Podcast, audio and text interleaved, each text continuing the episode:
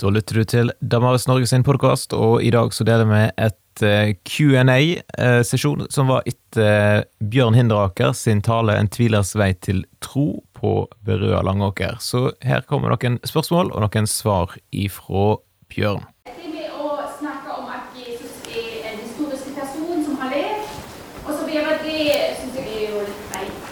Men da å komme fra der til å tro på at han var Guds sønn, er Gud, at han dør og står opp igjen Hvordan kan jeg svare på det når noen spør om det? Ja, jeg, jeg, jeg vil jo alltid ønske, og Hvis folk er åpne for å snakke om Jesus som, som historisk person, så, så er det fantastisk. Men det er jo interessant at veldig mange ser ikke på han som, som relevant. sant? Han hører til religionsfaget. Hvis du er kristen, så finnes han for deg. sant? Um, men eh, der, der, der det fle- flere ting man kan gjøre. Én ting er at Jesus faktisk har eksistert, som ingen fagfolk, ingen historikere trekker i tvil. Du har noen professorer som trekker i tvil. Blant annet en som Richard Dawkins nevner i sin bok 'Gud en vrangforestilling'. Sant? Her er det en professor som stiller spørsmål til Jesu eksistens. han. Men han er ikke professor i historie, han er professor i tysk. Sant?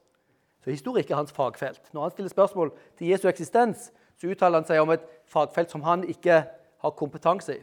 Så det er veldig pinlig for Richard Dawkins når han skal nevne Jesus Kristus sånn som et svært forskningsfelt, så plukker han én historiker fra et helt annet felt. Um, så um, Ja, det er skrevet faktisk en veldig interessant bok om, uh, om det, de historiske spørsmålet rundt Jesus, uh, som Jesus som historisk person, som heter 'Did Jesus Exist?' av en som heter Bart Ørman. Bart Ørman var tidligere en, en kan si, f- eh, kristen konservativ som mistet sin tro og bruker det meste av sin tid nå på å forsøke å, å rive ned de kristne overbevisningene. Alt han skriver, er ting som rokker ved de klassiske kristne forståelsene. Han er topp fagmann på tekstkritikk i verden, og så har han jobbet med de historiske spørsmålene. Um, i, um, og, og de spørsmålene han stiller, er kjempeutfordrende. Men det gjør jo at vi andre vi kan jobbe med å gi bedre svar enn det han gjør. Sånn, Det er interessant å se um, hvordan han er god til å stille spørsmålene. Nye spørsmål, nye utfordringer. Men det fins veldig gode svar på det. I den boken 'Did Jesus Exist?' så fillerister han sine ateistiske venner som våger å stille spørsmål til Jesu eksistens. Det er tullete. Sant? Men Barth Ørman tror ikke på Jesu oppstandelse. Han tror heller ikke Jesus var Guds sønn. Og så er spørsmålet ja, hvordan forklares dette historisk. Eh, og, og eh, det at Jesus har eksistert, er jo helt irrelevant om du er kristen eller ikke. sant? Djevelen vet at Jesus har eksistert. sant? Det forandrer ikke han. Du kan være ateist og være overbevist om Jesus har eksistert, og de fleste, fleste ateistiske historikere er jo det. Hvis man skal, eh, hvis man skal eh, vurdere om Jesus er noe mer enn bare en eh, galileisk predikant, omreisende predikant, sant? om han er Guds sønn, så er inngangen til, til det som jeg tenker er en av de mest nyttige, er gjennom oppstandelsen. De historiske argumentene for Jesu oppstandelse. For hvis Jesus sto opp fra de døde, så er det en helt unik hendelse i verdenshistorien. Og man kan si OK Hvis Jesus har gjort dette, hvis Jesus har blitt reist opp fra de døde, ok, da er det noe med han.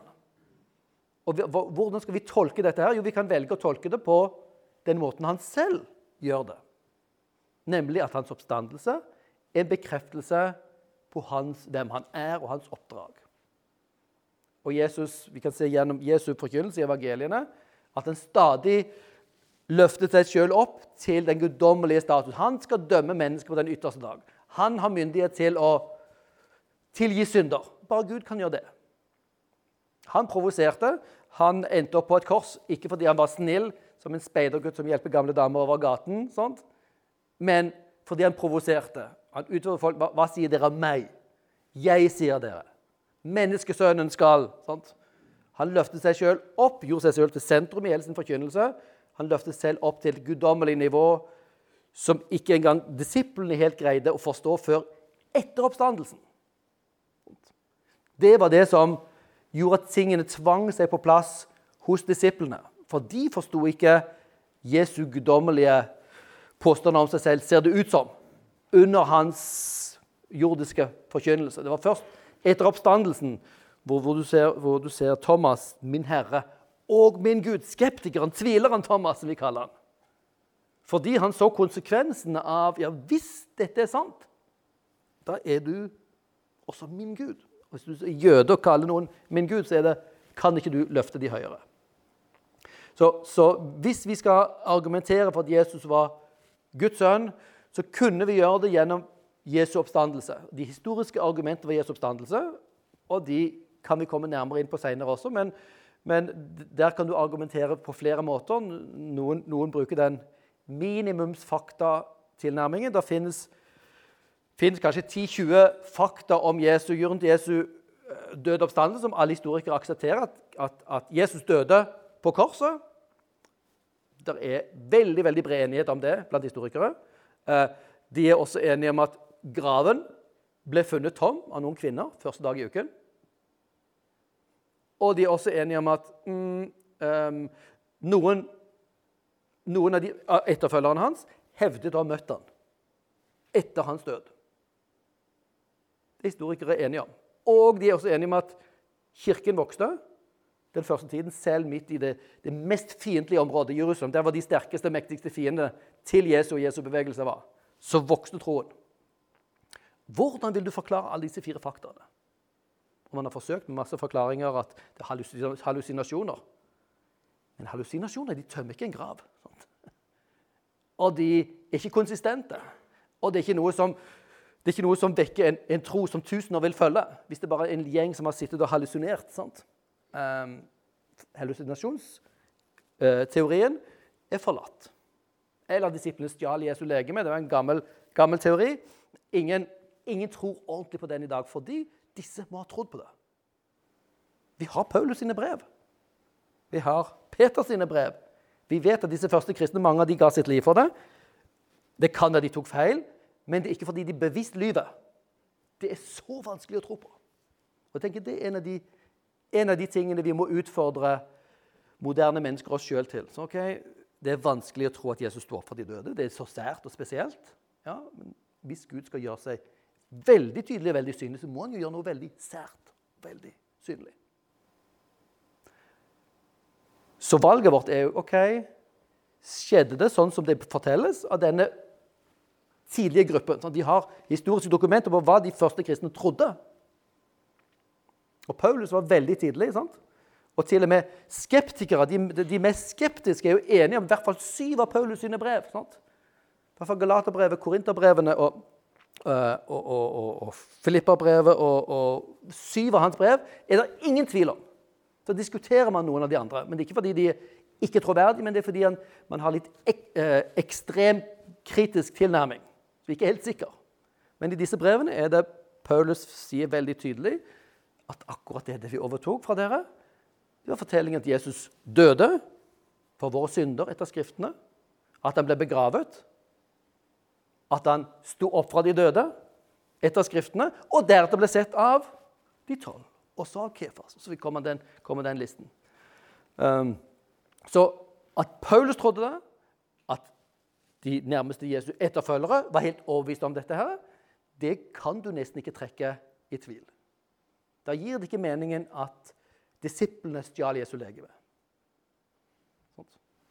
Um, så det finnes, det finnes ingen aksepterte, troverdige alternative forklaringer til disse fakta vi har. Bart Ørman sier ok, vi, vi, må prøve for noe annet, fordi under er jo umulig. Så vi kan ikke akseptere det. Men da er det fordi at han er så bastant på sin tro at Gud ikke finnes. Under er umulig. Da hjelper det ikke hvor mye bevis som finnes. Så, så den, deres bastante tro på at Gud ikke finnes, er det som hindrer de fra å faktisk å forholde seg til bevismaterialet. Uh, der fins det mye materiale. Jeg har noen bøker bak der. 'Skeptikerens guide til Jesus', skrevet av min kollega Stefan Gustavsson. Uh, veldig bra bok. Den ene ser på evangeliene, argumenterer rent historisk for at de har høy troverdighet. Rent historiske argumenter. Og, og, og dette er en slags oppsummering av de siste 40 års historiearbeid faglig. Når vi studerte teologi på 80-tallet, så så man på evangeliet som noen som, kristne trosdokumenter. Ok, Det var skrevet i første århundre, men det var produkt av menigheten. Så det var litt Vi visste ikke helt hvilken relasjon det hadde til den historiske Jesus. Nå er man beveget seg i, i, sånn, i den historieforskningen sånn at man er mye mye mer overbevist om at her har vi materiale, veldig høy kvalitet, eh, som går tilbake til også den historiske Jesus. Vi kan være veldig mye mer frimodige. Men faktisk så trenger du ikke tro på evangeliets troverdighet engang for å tro på Jesu oppstandelse. Du kan ha rent de felles minimumsfakta som, som det nevnes. Hvis du bare har de foran deg, så kan du si at okay, det finnes ingen andre gode forklaringer. Og hvis Jesus ble reist opp fra de døde av Gud, da forklares alle de faktaene, og mange flere, ett slag. Det eneste problemet med forklaringen at den involverer Gud. Ellers er den aller, aller beste forklaringen. Og vi, vi, kan jo ikke tvinge noen til å akseptere dette, her, men vi kan, vi, vi kan forklare Bart Ørman, ja, grunnen til at du ikke aksepterer det, er jo ikke at du er forsker, at du er opptatt av fakta, men at du utelukker muligheten fra starten. Sant? Og da kan det bare tydeliggjøres. Ja, det, det, er ditt valg. Men det er ikke din integritet og din ja. I hvor stor grad var Jesu, Jesu eh, budskap helt radikalt på den tida han leste? Nå vet vi vel at det, gres, det var greske filosofer ja, ja. Mm. som trodde at det, hvis bare ikke fikk kunnskap, så ville de jo handle godt. Mm -hmm. Ja. Ja, no, no, kan du si Den klassiske tradisjonen fra Sokrates går på det. Kunnskapen. ja. Men, men er Jesu budskap helt radikalt? Er det ja. noe helt nytt? Ja. Eller var det et miljø, slik at han kunne, kunne lære dette her i et miljø? Eller var det helt radikalt? Jeg tenker på, jeg tenker på menneskets svakhet. sant? At du så Freud sier jo senere at du er ikke herre i ditt eget hus. Mm -hmm. Det er likhetstrekk der mm -hmm. som menneskene svakhet. Er det, er det helt radikalt, eller mm -hmm. Jeg. Jeg, jeg, tror det, jeg, tror ikke det, er vanskelig å svare generelt på det. Um, men og, uh, det er veldig lett å se Jesus som også produkt av sin tid. Sant? Eller Produkt av sin tid høres jo litt sånn teologisk problematisk ut. Han er jo Guds sønn. Sant? Men for at han skal være Guds sønn, så trenger han ikke komme med noe helt, helt fremmed som aldri noen har hørt før. For hvis det er sannheten, så er det ikke så utenkelig at det finnes mange kontaktpunkter med noe av det som finnes i kulturen rundt. Og Vi vet at Jesus var jøde. Det er jo en av de tingene som er gjenoppdaget i Jesu-forskningen. Du må ta med det faktum at Jesus faktisk var en rettroende jøde. Det, det, kan, noen har sagt ja, var kanskje en omreisende sånn uh, gresk predikant som det fantes en del av, gresk filosof. Men historisk gir ikke det mening i det miljøet som han bevegde seg i, hvor det var rettrøende jødedom. Og hvis du ser innholdet i forkynnelsen hans, så er det også helt klart de jødiske diskusjonene om, om renhet. ikke sant? Om hvem som er den sanne, sant? om tilgivelse osv. Det er en rent jødisk kontekst for Jesus som man forstås innenfor. Sant? Okay? Og det plasserer Jesus i kulturen i det første århundret. Mens Israel fantes før, før Jerusalem var tatt, og før, før, jødene var blitt jaget ut av landet, og før de fleste kristne var hedningekristne. Da, da fikk du litt annet preg på kristendommen. Sant? Men Jesus er plassert tidlig der hvor, der hvor, det var den jødiske konteksten. Og Gud har, vi må tenke sånn, Gud har en mening med å plassere han der. Det gjorde at folk kunne forstå Jesu budskap. Så Jesus var nødt til å ha et språk og kategorier som er mening i sin samtid. Og Derfor har vi jo hele Gammeltestamentet, hele åpenbaringen. Det Jesus kom for å gjøre, er jo profetert og gitt mening. Sant? Han kom for å ofre seg og gjenopprette det skaperverket. Sant? Eh, og bringe den nye framtiden, det lovede land, sant? det nye himmel og nye jord. Så Det er, den, det store bildet, som er den jødiske konteksten. Det andre spørsmålet er er det noe gresk påvirkning. Og, og interessant her på, på, på, vei hit så hørte jeg, uh, hørte jeg på foredrag på, um, på øret eh, av en, en, av forfatterne som har skrevet den, den, siste boken vi har gitt ut på Veritas forlag der om Kan vi stole på evangeliene? Han argumenterer veldig sterkt for at Jesus ikke bare snakket arameisk, som folk gjør på den, som jødene gjorde på den tiden i det området. Arameisk var morsmålet. Og Det ser vi på Talita Kumi. Stå opp, jenter. ikke sant? Når Jesus sa 'Abba' til sin far, og flere sånne arameiske uttrykk, viser at Jesus hadde nok arameisk som morsmål. Og så har noen tenkt ok, Jesus var en enkel kom enkel bondefamilie fra Nasaret, så han kunne helt sikkert ikke gresk. Men det er skrekkelig naivt. I 300 år hadde det vært gresk kultur der. Gresk business. Gresk, mange greske byer. Flere av disiplene til Jesus, eh, Andreas, Philip, hadde greske navn. Sant? Det betyr at gresk var en del av kulturen. Og Jesu bergpreken, ikke minst saligprisningene, har masse poetiske elementer som forsvinner. Med en gang du oversetter det til aramaisk, så forsvinner det. Genialt formulert på gresk. Sånn? Og da er det mer sannsynlig at dette er Jesus, den mest geniale, som har formulert det. Ikke forfatterne som er mer geniale enn Jesus greide på aramaisk. Så Jesus har sannsynligvis også kunne forstått gresk. Det, det, det, som er interessant, Når vi kommer til Paulus, så er han en jøde, rettroende jøde som har sin utdannelse også fra Tarsus, som er en universitetsby.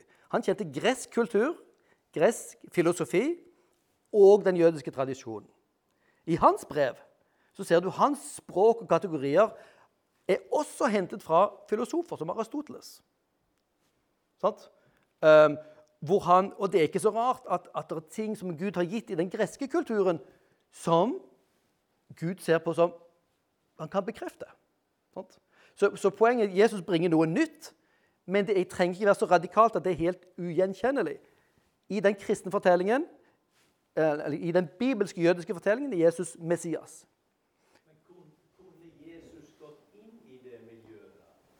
Det greske miljøet snakk. Ja. skriftlærde, hvis han ikke hadde sagt at han var Guds sønn, han har glidd inn?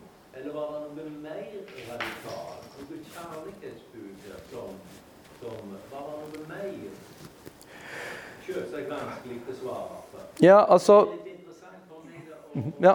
om, om har ikke så god oversikt over dette, om, om man brakte noe nytt altså noe helt, helt, noe helt nytt utenfor kulturen med seg.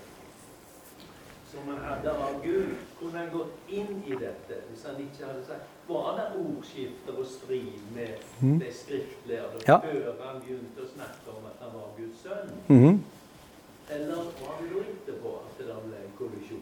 Eller hvordan og det, ja, det er nok flere ting her. fordi Jesus, Jesus er vel nærmest fariseerne i trosmessig.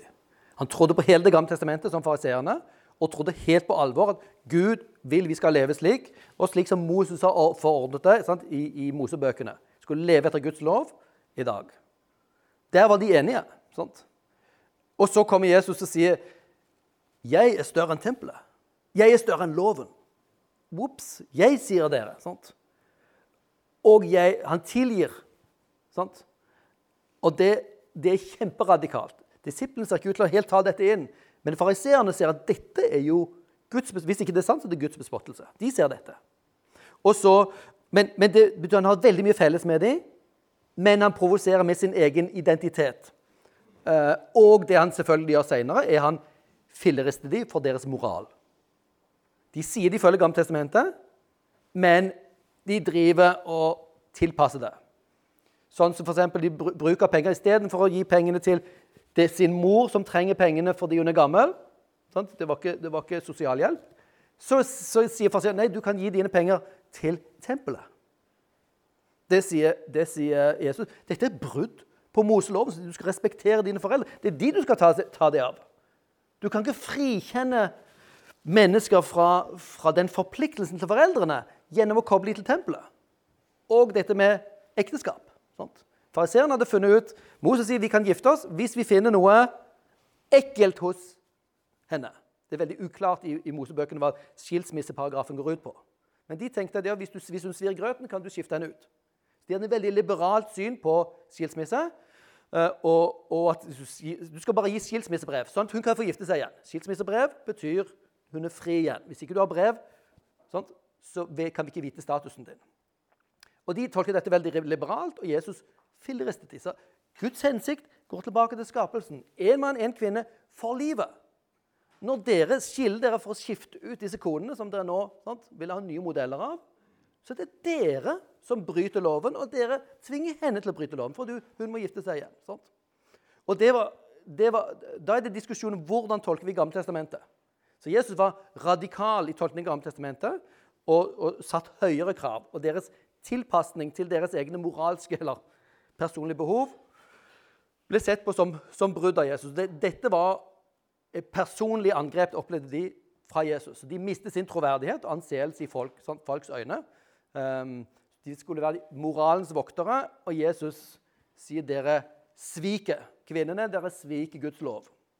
Så, men men dette, dette betyr ikke at det, var radikalt hos Jesus. Det betyr Jesus henvist til loven. Så Jesus um, Det radikale ved Jesus er vel kanskje først og fremst, først og fremst Jesus' egen identitet. Eh, Det du skulle elske det neste, elske, elske Gud det neste, det var Alle jødene var enige om det.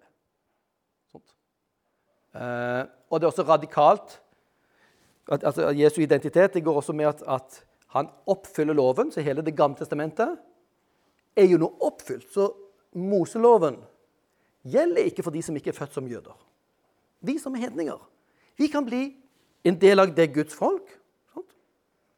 Og det er kjemperadikalt og veldig Det går veldig på dens jødiske stolthet og identitet som gjorde at Paulus og Jesus fikk kjempesterke fiender. Det, var, det var nytt, men det var nytt på den måten at det var, det var forankret i Gamle testamentet.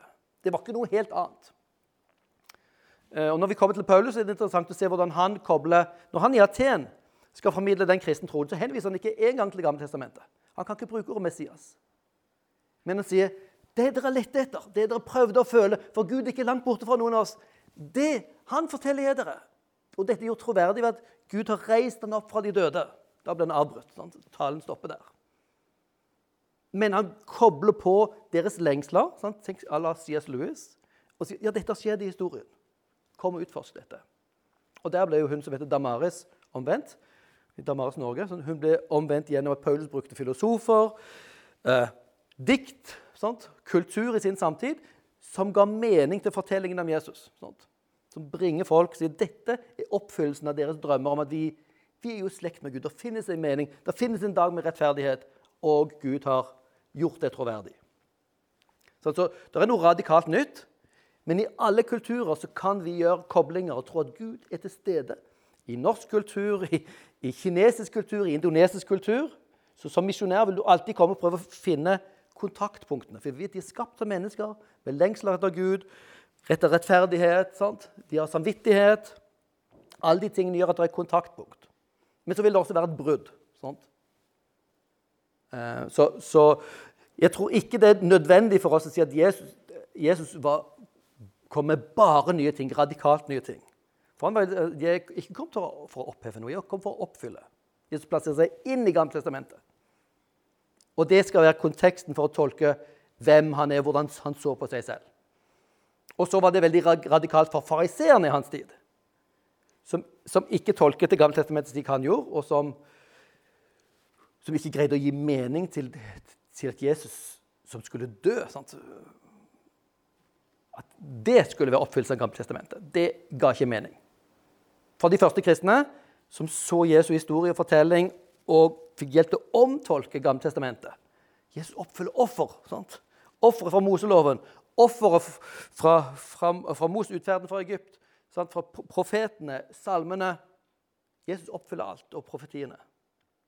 Uh, ved sin døde oppstandelse. For han skulle være det endelige offer. Så de omtolket sin tro radikalt, men de første kristne var jøder.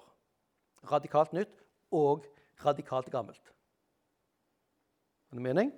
Det, og dette er en veldig interessant ting å studere også koblingen mellom eventuelt gresk kultur og den første kristne bevegelsen. Men Jesus var en, en, en, en en, israelsk eh, konservativ jøde, eh, si, som historikeren for, forutsetter i diskusjonene han var i. Og det er interessant nå, På, på søndagsteksten er om, om, Jesus møtte en kananesk kvinne, altså en hedensk kvinne, som ber han om å helbrede sin, sin datter. sant? Eh, eller sønn, hva det var. Og, og, Jesus sier nei, nå, det er jødene jeg kom til. Det er den jødiske konteksten som Jesus var kommet til. Hans etterfølgere er kalt til å gå ut til hele verden. Ser dere? Misjonsbefalingen som er kjemperadikale. Det er ikke, er ikke bare jødedommen, det er hele verden. Nå er tiden kommet for at Gud kaller hele verden inn tilbake til seg. Men da, for, men da måtte noe radikalt skje med Moseloven. For Du trengte ikke bli jøde før du ble kristen. OK. Det var litt langt svar på, på kjempeinteressante og, og, og um, viktige spørsmål. Um, det er radikalt nye, og hm? Nei, men dere hører meg. Se her, ja. Bra. Min kone sier jeg gaper mye hjemme. Det er kanskje derfor. Hører dere nok? Skal jeg skru på? Nei, dere hørte ikke. Ja. Historiske Jesus-spørsmål Jesus er kjempeviktig. og Der har vi så godt materiale at det nesten er flaut. Det er nesten flaut. Det er nesten for godt til å være sant. Og Den siste boken kan vi stole på evangeliene, er skrevet av en veldig bra eh, forsker på, på, på, gamle dokumenter. Han kan vel kanskje 15 språk. Jeg delte rom med han på en av de første konferansene i Sør-Europa som vi besøker hvert år. Og så når du er på teologkonferanse, tar du jo med deg ditt greske Nytestamentet. Prøver å friske opp sånn, kunnskapen din. Og, og, så, og så viste jeg, han, han jo, kan jo litt språk. Så kan du, kan du forklare hva som står her? Um, for jeg, jeg, visste hva det betydde på norsk. Men jeg tenkte, når du forstår det på gresk, så, så hadde det litt nye assosiasjoner. Sånn, ja, ja, hvilke vers mener du? Kan du bare si de første ordene? Og så sa jeg de første ordene, og så sa han resten av sitt minne på gresk. Sånt. Sånne folk er det utfordrende å være sammen med, som kan ikke bare sitt engelske ja, han, han, han, bruker jo ikke engelske bibler, han bruker bare alle de andre språkene, sant? men kan dette utenat. Men han er enormt kunnskapsrik. Kort bok om evangeliets troverdighet. Og jeg tenker sånn, sånn litteratur har dere ikke fordi dere skal lese gjennom boka. Dere har han som en ressurs for å gå til. Og for å dele ut, og av og til gå tilbake igjen og se ja, hva er argumentene.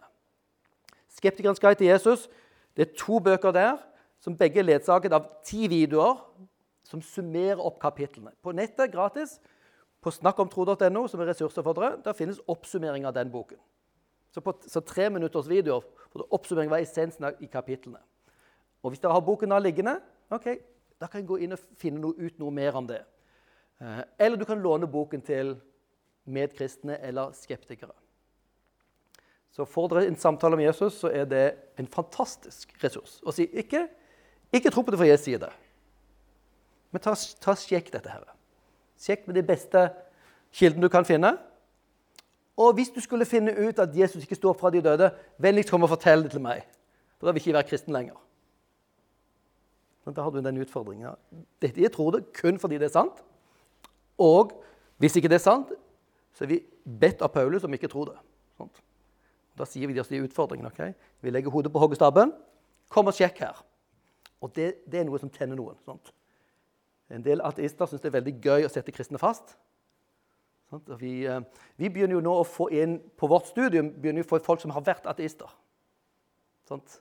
Kjempeinteressant. Og En begynte som ateist hos oss, og i løpet av studiet så kom han tilbake til tro.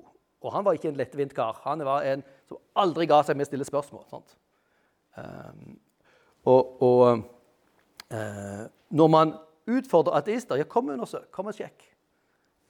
Så tenner du noe hos noen av dem ja, undersøk sjøl. Dette er ikke bare noe du må tro på. Så jeg tenker Det er en av de beste, beste, tingene vi kan gjøre. Så det er mange andre spørsmål. Ikke minst spørsmål om naturvitenskap. Hva gjør vi med den? Uh, nå har jeg ikke fått spørsmål om det nå, men vi har ressurser her. og vi har, uh, vi har, filmer der som er lagd for den allmenne arenaen, hvor kristne ateister, øknostikere og muslimer sammen diskuterer spørsmål om naturvitenskapen og forhold til tro og spørsmål om Gud. Det er lagd for samtaler mellom ulike livssyn, hvor ikke det kristne svaret er pådyttet, men stilt som åpent. Um, så det tenker jeg vil anbefale å vurdere å bruke det på skoler. Det var kanskje det videregående nivå. Sant? Det er tredje videregående oppover. Men det er helt unike ressurser som hjelper å vise at de kristne ikke er dumme. Her diskuterer de de skarpeste kristne hjernene. De står ikke tilbake for de skarpeste ateistene. Mens i mediene så gis det et bilde av at ja, her har vi teologene, de kan bare boka si, og så har vi vitenskapsmennene, de er ateister. Det er det moderne bildet. Til og med NRK, når de viste den serien som heter um, Jeg tror det heter Gud og vitenskap, som gikk i 2016 på, på TV 2. Så ble det fremstilt av de i NRK som om det er vitenskapsmenn diskuterer med teologer om Gud og vitenskapen. Men det er jo en fordreining. For det er jo kristne vitenskapsmenn og ateistiske vitenskapsmenn agnostiske og muslimer. Alle de er vitenskapsmenn. De diskuterer spørsmål om Gud. Men de så på det som, som det var den lille dumme gruppen med de religiøse som skulle prøve å diskutere med ateistene. For hele, hele vår tilnærming i kulturen er en fordreining av bildet.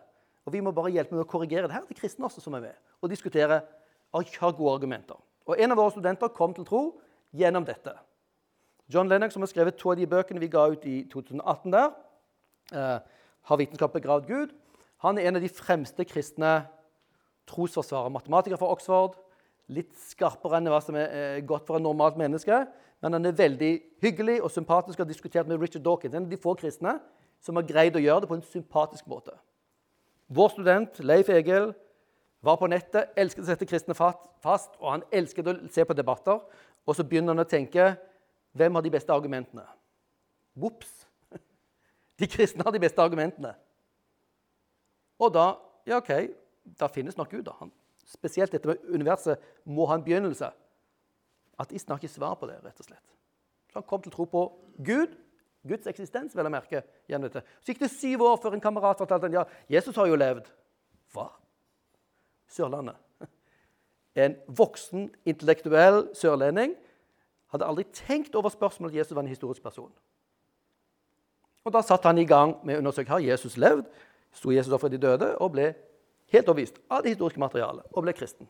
Og så, han, så, så, tok han kontakt med John Dennox og sa dette stoffet er så interessant. Fins det et sted jeg kan studere dette her i verden? Så sa han, ja, jeg har noen venner i Kristiansand, på, på Gimlekollen. Det samme byen som han hadde vokst opp i. Satt der rett i nabolaget. Så han kom til oss og fikk studert kristent trosforsvar. Kom fra ateismen, still de vanskelige spørsmålene, ser på debatten. Kristne har de beste argumentene. Kommer til tro. Jesu har eksistert og stått opp igjen. Ja, det er sant. Han har gjort et sterkt, sterkt inntrykk på mange eh, med sitt, med sitt vitnesbyrd. Eh, og dere finner videoer av han og en av mine andre venner, tidligere ateist, eh, som har sterke vitnesbyrd og er kjempegod på Grillen kristen. Grillen kristen som vi har, som lag arrangerer rundt omkring i hele landet. Folk er ikke interessert i hvis du ser, hvordan skal jeg bli frelst. Du får, får nesten ikke kristne til å komme på sånne arrangementer. Men Grillen kristen det fyller auditoriene. La oss ta de kristne. Yes! Sånt, veldig gøy. Og så arrangeres det. Og så har vi ikke minst disse her som tidligere har vært ateister, som de har det i blodet. Spørsmål, Selvfølgelig er spørsmål viktig. Hvordan kan vi svare på spørsmål på en måte som åpner opp og leder folk litt videre? Så det er interessant. Nå får vi folk inn som, som har vært gjennom dette her og sett de beste argumentene er på den kristne troens side, og som også har et vitnesbyrd inn, eh, inn, i skolene våre. Eh, så det var, det var uh, spørsmålene. La meg, la meg, frem til dere rekker opp en hånd til her nå. Uh, vi, og vi, vi, gir jo rom til spørsmål i morgen også, og på søndag. Så, så um, dette er ikke siste, siste, gang dere kan spørre om noe. Dere kan spørre om hva som helst. Det kan være veldig kristelige ting. Det kan være ting som foregår ut forbi oss, eller spørsmål på vegne av deres ikke-kristne venner. Hvilke spørsmål vil de utfordre dere på? Se det i øynene av C.S. Lewis. Vi har serien til C.S. Lewis her. Som uh, er det, ja, det, er Luther forlag som gir ut de. Og Lewis, se det i øynene. Det er hans argument for troen på Gud. Han som var ateist, og så kom til kristen tro. Veldig interessant. Kort. basert på radioforedraget han hadde under krigen. Og så ble det gjort bok av det. Og dette er en av de bøkene som har vært mest til hjelp for moderne ateister. Som har brakt de til tro. Eh, her har du Skeptikernes guide, den ene av de. Anbefaler å ha de i hyllen og sjekke uh, nettmaterialet vårt. Grillen kristen, bok nummer én, det er en kjempesuksess. Solgt i 7000. Det skjer jo ikke med kristen litteratur. sant? 7000. Eh, akkurat nå har vi sendt inn manuset på bok nummer to, som, skal, som slippes på sommeren. Grillen kristen om Bibelen. Vriene og vanskelige spørsmål om Bibelen. Hva med, med Josvas drap av kaninerene? Hva med de to bjørnene som drepte 42 barn? Sant? Elisha. Hva med, hva med, hva med? Sant? Vanskelige spørsmål som tas opp, og hvor vi prøver å hjelpe folk med spørsmålene og gi dem en tillit til både at Bibelen er troverdig, og at Gud er god. Eh, Lurt av lære-boken kom ut også i fjor. Eh, ikke minst laget sitt arbeid. Det er norske lærebøker. Viser seg å ha masse myter, sprer masse myter om kristen tro. Ikke minst i spørsmålet om kristentroens bidrag til landet og kristentroens bidrag til vitenskap. Masse masse myter om at det er en konflikt her. Eh, og eh, Dette er en bok for alle oss som er opptatt av norsk skole, eventuelt som har barn i norsk skole eller er lærer i norsk skole, som bare viser at her, ok, vi som kristne trenger å være på hugget. Vi trenger å være de som stiller gode spørsmål, og, og som avdekker mytene. Så dette er en kjempeviktig bok om feil og forvirring om kristen tro i, i, i læremidler. Sant? Så til og med fagfolkene sprer masse myter som de ikke er klar over er myter, men som kan korrigeres med kunnskap. Eh, den siste boken vi nevner nå, fordi dette er et tema akkurat i kveld, er en av våre venner, eh, Tom Arne Mellerbråten, som er lærer på Sagervoll folkehøgskole. 'Tro under tvil en tanke fra en kristen skeptiker'. Det går an å være kristen og skeptisk. Du er kristen fordi du er skeptisk. Du tror ikke på hva som helst, men du tror på det som er verdt å tro på. Eh, veldig mye om dette med tvil. Han, han er nok en litt mer sånn dyster og, og, tvilende type. så Noen er også det. Jeg er ikke spesielt det, men stiller spørsmål av og til. Eh, han er enda litt mer der i, i um, emosjonelt, tror jeg, i tvilen og har en veldig, veldig nyttig bok om tvil. Så det vil jeg anbefale. Men nå tror jeg vi har brukt opp tiden, har vi ikke det? Så hvis dere har spørsmål, så kan jeg stå jeg nede ved, ved bordet der eh, og kjøper dere bøker. Så har dere det i bokhyllen. Og dere støtter et viktig misjonsprosjekt, nemlig det at vi, vi i Veritas eh, forlag vi holder på å produsere materiale for kristne som skal hjelpe dem å møte spørsmålene i kulturen. Så det er også et misjonsprosjekt i forhold til å gjøre det mulig å, å gjøre dette. her. Så dere gjør en god gjerning ved å kjøpe boka. Til det kan dere låne den ut. Stille den ut som om du leser bøker i hyllen. Takk for at du lytter til Damaris Norge sin podkast. Og har du lyst til å være med og støtte arbeidet til Damaris Norge, da kan du gå inn på damaris.no. Der finner du ulike måter du kan være med og bidra til arbeidet vårt.